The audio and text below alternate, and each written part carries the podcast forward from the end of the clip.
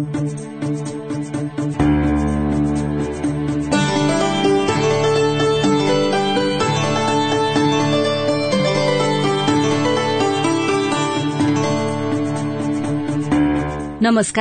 Radio कार्यक्रम साझा पहलमा तपाईँलाई हार्दिक स्वागत छ। म सुशीला श्रेष्ठ। अनि म अविनाश आचार्य। कार्यक्रम साझा पहल महिला लैंगिक अल्पसंख्यक अपाङ्गता भएका व्यक्ति र सीमान्तकृत समुदायमा सूचनाको पहुँच पुर्याउने उद्देश्यले तयार पारिएको कार्यक्रम हो। अहिले कोविड उन्नाइस नियन्त्रणमा आएको जस्तो देखिएको छ तर यसले महिला तथा सीमान्तकृत वर्गमा आर्थिक सामाजिक तथा मानसिक रूपमा गहिरो प्रभाव छोडेर गएको छ। कार्यक्रममा हामी लैंगिक समानता र सामाजिक समावेशीकरण जेसीको दृष्टिकोणबाट अब आउने कोविड जस्ता महाव्याधि र विपदसँग सम्बन्धित प्रभावकारी तयारी प्रतिक्रिया र पुनः प्राप्तिको बारेमा छलफल गर्नेछौ।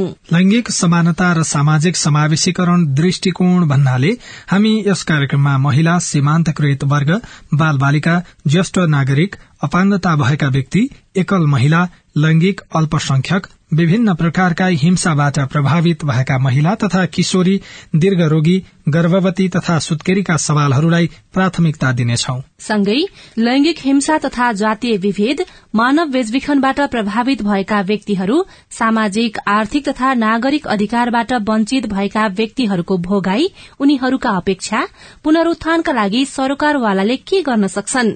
विज्ञ संघको परामर्श साथै सरकारका योजना लक्षित वर्गको पहुँच र कार्यान्वयनको अवस्थाबारे खोजी गर्नेछौ। साथै कोविड बारे फैलिएका अफवाहहरू भ्रम र गलत जानकारीलाई सम्बोधन गर्दै विज्ञ संघको सवाल जवाफ पनि प्रस्तुत गर्नेछौं। र सबैको पहुँचमा आवश्यक सूचना पुर्याउने प्रयत्न गर्नेछौ। युएन ओमनको सहयोगमा ल्याक नेपाल र अकुराबको साझेदारीमा उत्पादन गरिएको कार्यक्रम साझा पहल सीआईएन मार्फत सामुदायिक रेडियोबाट देशैभरि सीआईएन खबर डट कम र मोबाइल एप सीआईएनमा पनि चाहेको बेला तपाई विश्वभरि नै सुन्न सक्नुहुन्छ।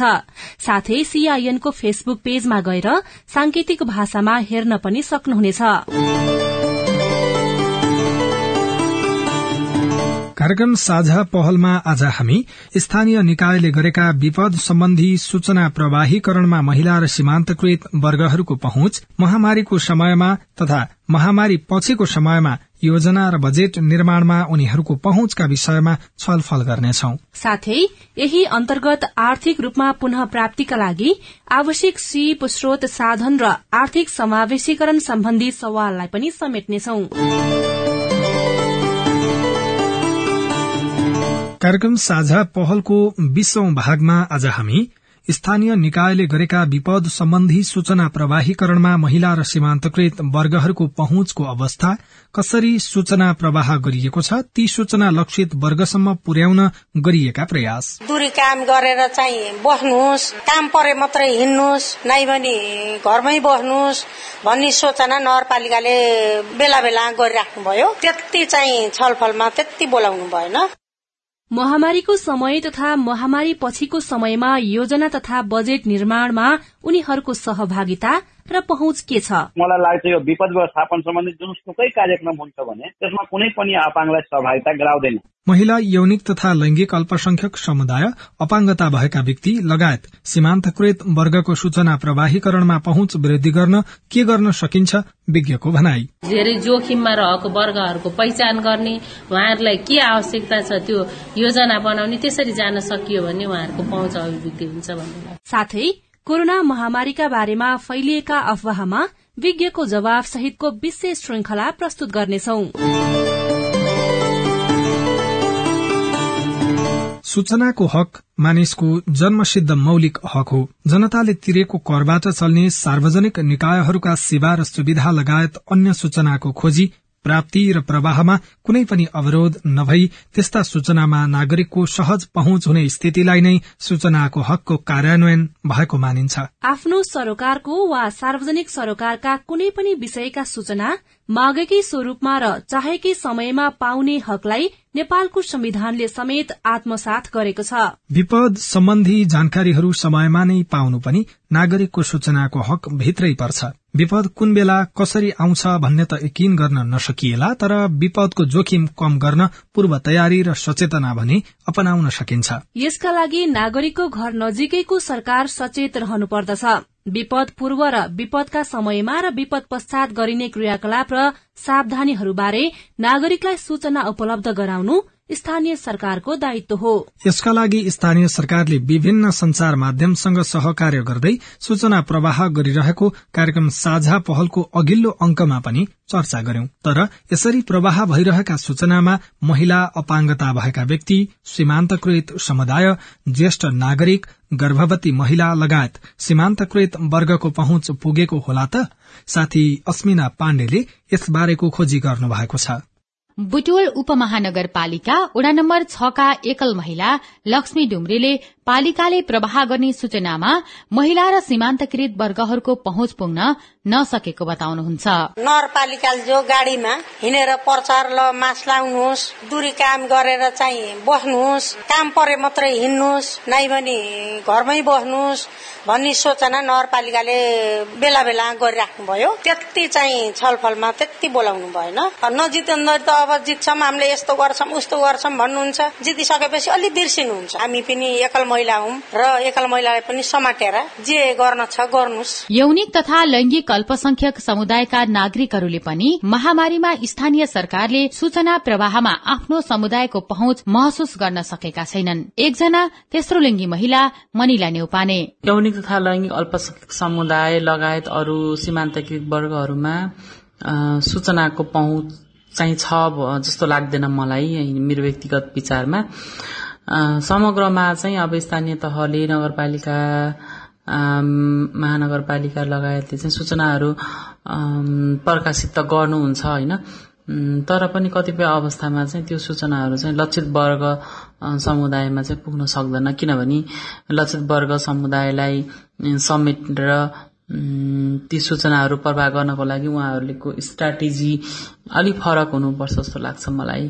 भाषागत समस्यादेखि लिएर सबै कुराहरूमा होइन कतिपय अवस्थामा चाहिँ सूचना माग गर्न जानुपर्ने अवस्था पनि हुन सक्छ होइन सरकारी स्तरमा चाहिँ के हुन्छ त भन्दा सूचनाहरू माग गर्दाखेरि पनि अब आलटाल गर्ने खालको वातावरण चाहिँ हुन्छ। कोरोना महामारी बाढ़ी पहिरो जस्ता विपदमा सीमान्तकृत समुदाय सबैभन्दा बढ़ी समस्यामा पर्ने गरेका छन्। तर स्थानीय सरकारका नीति कार्यक्रम योजना र बजेट निर्माणमा समेत यस्ता समुदायसँग छलफल हुँदैन। पुनः तेस्रो लिङ्गी महिला नेउपाने। अब केही केही स्थानीय तहले चाहिँ यो हाम्रो सीमान्तकृत वर्ग समुदाय यौनिक तथा लैङ्गिक अल्पसंख्यक समुदायलाई चाहिँ केही बजेटमा विनियोजन गरे तापनि त्यो चाहिँ पुग्दो छैन होइन?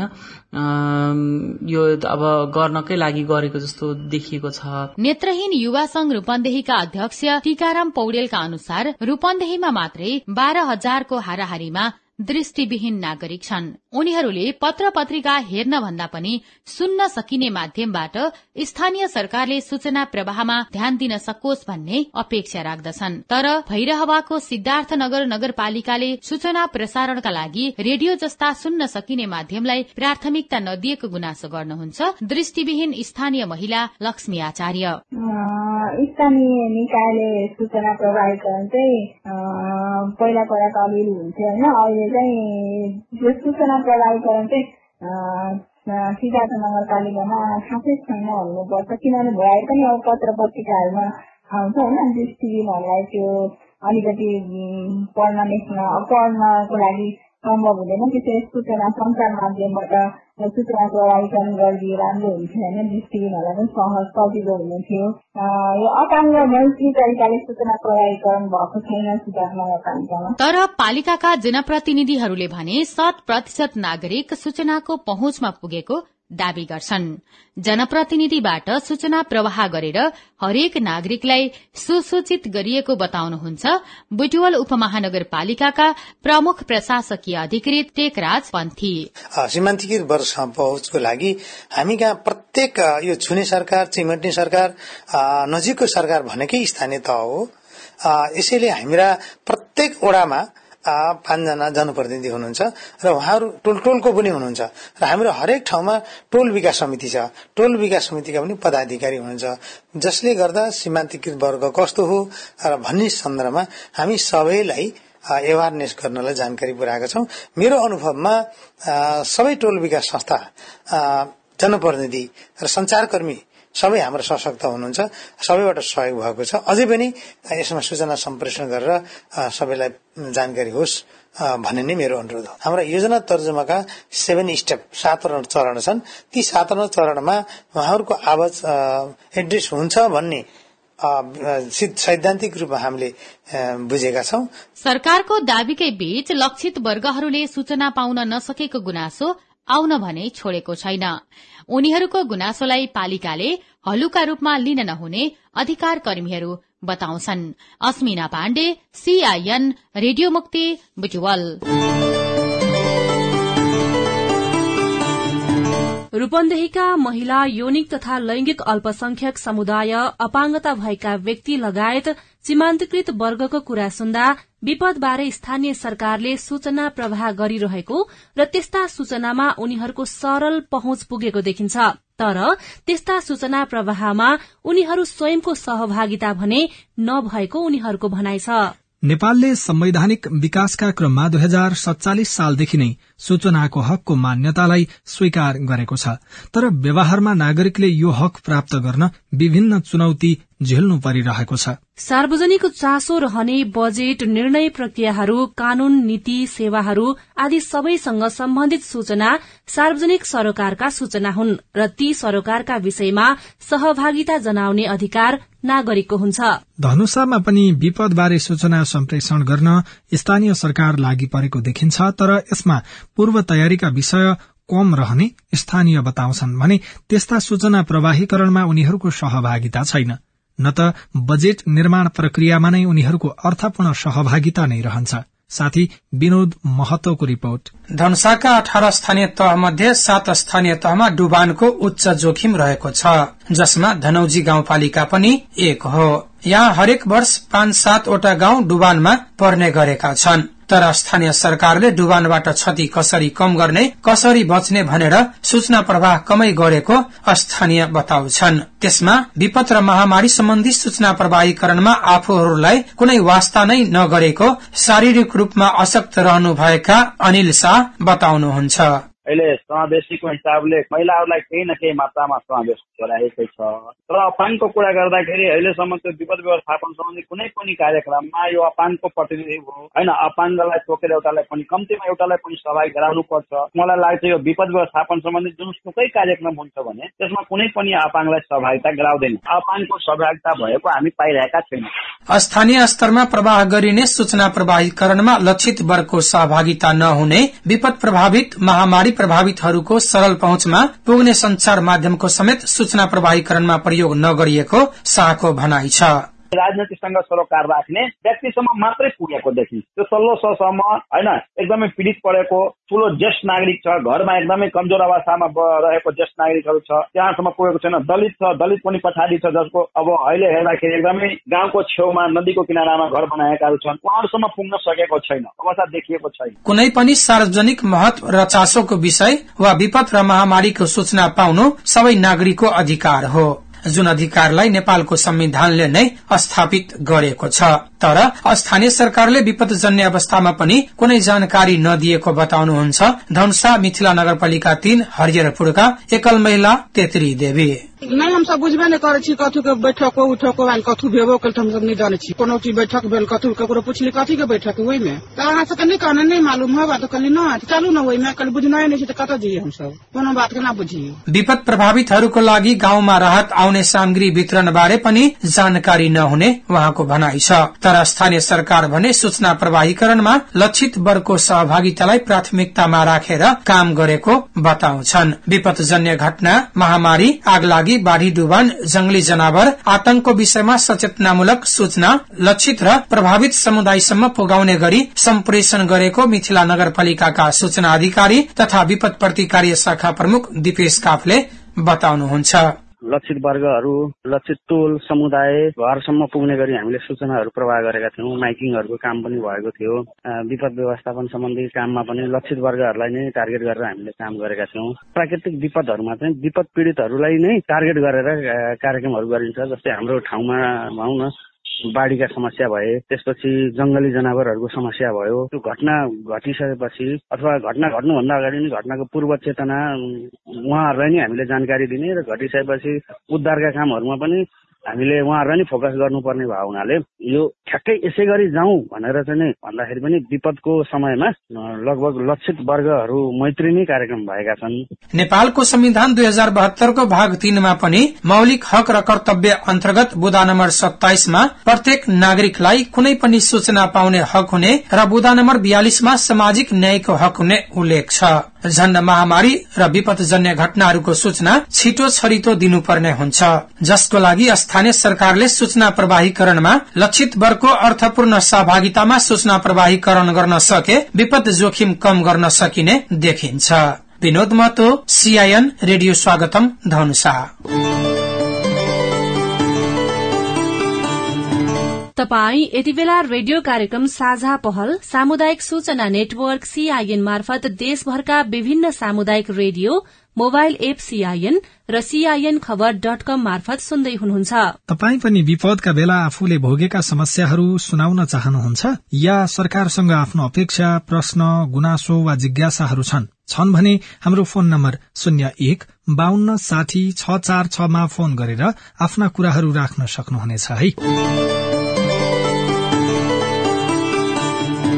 नेपालको संविधानले स्थानीय तहलाई स्थानीय तहमा नेतृत्वदायी भूमिका खेल्ने जिम्मेवारी अधिकार र शक्ति दिएको छ। समुदायमा आधारित विपद व्यवस्थापन सम्बन्धी कार्यक्रमको सञ्चालनको नेतृत्व स्थानीय तहले गर्नुपर्छ।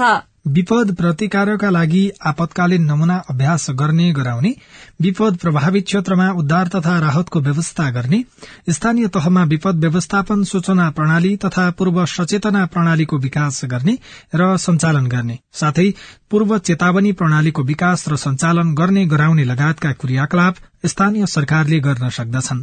ती क्रियाकलापमा लक्षित वर्गको अर्थपूर्ण सहभागिताले विपदबारे जानकारी लिन र सचेत रहन मदत पुग्दछ। बाजुरामा भइरहेको अभ्यास के छ त? साथी सरिता नेपालीले तयार पार्नु भएको यो रेडियो सामग्री सुनौ। अन्य समयभन्दा विपदका समयमा बढ़ी नै सूचनाको आवश्यकता पर्दछ। कहाँ जाने कसरी सुरक्षित रहने बस्न के गर्ने समस्या परे कसलाई सम्पर्क गर्ने लगायतका सूचनाहरू विपद प्रभावितहरूमा पुर्याउन सके विपदबाट हुन सक्ने क्षति र जोखिम कम गर्न सकिन्छ। तर कोरोना महामारीका समयमा यस्ता सूचना सरल रूपमा प्राप्त गर्न नसकेको बडीमालिका नगरपालिका नौका शान्ति सार्कीको भनाइ छ। सुकनवासी मान्छे हामी सुकनवासी मिलाउँदो? त्यही भने सूचना पुग्दो। न केही पुग्दो अरू त्यही ठाउँ तमिकन मिल्दो छ आऊ कोही भन्दैन सरकारले पनि हेप्यो अब हामी पनि पीड़ित छौँ। संतारबाट हेप्ने त अब हामी कन कहीँ भन्न नहक्ने बोल्न नहक्ने अब हामी सुकुनवासी त। त्यो त हाम्रो त बाको जग्गा हाम्रो त यहाँ लालपुर जहाँ हामी त यस्ता छौ उस्ता छौ भन्दा हेप्ने त हुन् सबै। विपदबाट प्रभावितहरू सरकारको खोजी र राहतको पर्खाइमा हुन्छन्। कोरोना महामारीका कारण दैनिक जीवन गुजारा गर्ने मुस्किलमा पर्नु भएका बड़ीमालिका नगरपालिका सातका सुना दमाईको परिवार चार महिना जंगलमा बस्यो। यी बीचमा न त सरकारको राहत नै उहाँहरूको पहुँचमा पुग्यो न त राहत वितरण बारे कुनै सूचना नै पाउन सक्नुभयो। गाउँका मान्छेले तेरा छोरा बुहारीका कोरोना लागेको तेरा छोरा बुहारीकन खाना दिन जाँदै तँ पनि कोरोना हल्की गयो के आतो गोडाले हन्डियाई भनेर दसका दस दिनमा म पनि गाउँभित्र पस्न दिएन मेरो पाँचजना कविलाई जंगलमा चार महिनामा बिची हक्या पुडा खेती लाइन अर्काको मागेका आउ चमेनी पनि खेती लाइन नदियो भनेपछि यति दुःख खाँदा खाँदा यति कष्ट भोक्ता भोक्तै सरकारले म हेरेन भनेपछि त्यो सरकारको मेरो पढ्याको नाउँ काट्नु मिल्दैन। यो गुनासो सुनाको मात्रै भने होइन। जगन्नाथ गाउँपालिकाका जजिरा आउजीको परिवार पनि सरकारले कुनै सूचना उपलब्ध नगराएको गुनासो गर्नुहुन्छ। न त पालिकाको कुनै कार्यक्रमको छलफलमै सहभागी हुन सकेको उहाँ बताउनुहुन्छ। हामीले केही गरिए छैन। नेपाल मिले अन्त डर मिले अनि यो हामीले त्यति मिल्दा पनि मिलेन। सरकारले केही पनि सहयोग गरिएन। रोजगारको काम पनि यति आयो नाम पनि अरूलाई हालिदिँदा मेरो नामै हालिदिँदैनन्। के गर्ने? सरकारले बेर्नु गएर चाहिँ हामी के खाने के गर्ने अरू घर चुइयाका हिया त पनि अरूलाई ठुला ठुला पाल दिया हामीलाई पाले पनि दिएछ तर स्थानीय सरकार भने सूचना प्रवाहीकरणमा स्थानीय संचार माध्यमसँग सहकारी गरेर विपद प्रतिकारीका सूचना सम्प्रेषण गरिरहेको दावी गर्छन्। अरू समय भन्दा बढ़ी विपदको बेला बढ़ी सचेत बनेको गौमूल गाउँपालिकाका उपाध्यक्ष सीता थापा बताउनुहुन्छ। यो विपद सम्बन्धी महिला सीमान्तकृत जुन वर्गहरू छन् उहाँहरूको सूचनाहरू उनीहरूको पहुँचमा हुने कुराहरू एकदम छ। उनीहरूकै पहुँचमा ल्याउनका लागि हामीले विभिन्न माध्यमबाट चाहिँ सूचना गरिरहेका छौँ। असाढ साउन भदौसम्म तीन महिना अनिवार्य चाहिँ टोल टोलमा सूचना दिने व्यक्तिहरू चाहिँ हामीले छनौट गरेका छौँ र सूचना गरे बापत चाहिँ उनीहरूलाई रिचार्ज खर्च भनेर महिनाको पाँच सय दिने गरेर सूचनालाई छिटो छरितो सम्प्रेषण गर्नका लागि व्यक्तिहरू छनौट गरे पहिलो भनेको हामी योजनाहरूमा चाहिँ प्राथमिकता दिने अब कुनै तालिम गोष्ठीहरूमा प्राथमिकता दिने त्यसमा सपोर्ट गर्ने कुराहरू पालिकाले गर्छ होइन। तत्काल भनेको गाउँपालिकाले सक्दो गर्ने सहयोग चाहिँ गर्छ। हामीसँग त्यस्तो स्रोत पनि सीमित हुन्छ होइन। त्यो सीमित स्रोत साधनले चाहिँ हामीले उनीहरूलाई पुनः व्यवस्थापन गरी घरै ल्याइदिने र त्यस्तो गर्ने स्थिति बन्दैन। तत्काल उनको घाउमा मलम लाउने कुराहरू एउटा रह्यो होइन। दीर्घकालीन व्यवस्था चाहिँ नेपाल सरकारले नै गर्नुपर्ने हो। त्यसमा चाहिँ नेपाल सरकार चाहिँ चुकेको। विपदमा विपदको जोखिम न्यूनीकरणमा सबैभन्दा अहम भूमिका स्थानीय सरकारको हुन्छ। यस्तो बेला संचारसँगको सहकारी र सूचना प्रवाहले क्षतिलाई कम गर्न सक्छ। तर सूचना प्रवाहीकरणमा लक्षित वर्गको सहभागिता नहुँदा प्रभावकारी नभएको विज्ञको भनाइ छ। Sarita Nepali CIN radio Bajura. Bajura. विपद जोखिम न्यूनीकरण सम्बन्धी स्थानीय स्तरका नीति कानून मापदण्ड योजनाको निर्माण कार्यान्वयन अनुगमन र नियमन तथा विपद पश्चात स्थानीय स्तरको उद्धार राहत पुनस्थापना र पुनर्निर्माण गर्ने कार्यमा समेत संचारको महत्वपूर्ण भूमिका रहेको छ र ती सबै संचार प्रक्रियामा महिला तथा सीमान्तकृत समुदाय वा लक्षित वर्गको पहुँच हुन अपरिहार्य छ। स्थानीय निकायले गरेका विपद सम्बन्धी सूचना प्रवाहीकरणमा महिला र सीमान्तकृत वर्गको पहुँचको अवस्था के छ? सूचनामा उनीहरूको पहुँच वृद्धि गर्न के गर्न सकिन्छ? स्थानीय सरकारका तर्फबाट र स्वयं व्यक्तिले के गर्न सक्छन् भनेर हामीले विपद तथा संचार विज्ञ सवित्रा घिमिरेसँग कुराकानी गरेका छौं। महिला दलित सीमान्तकृत समुदायको जो विपद व्यवस्थापनमा स्थानीय तहले चाहिँ एकदमै महत्वपूर्ण भूमिका चाहिँ गर्नुपर्ने अवस्थामा छ होइन।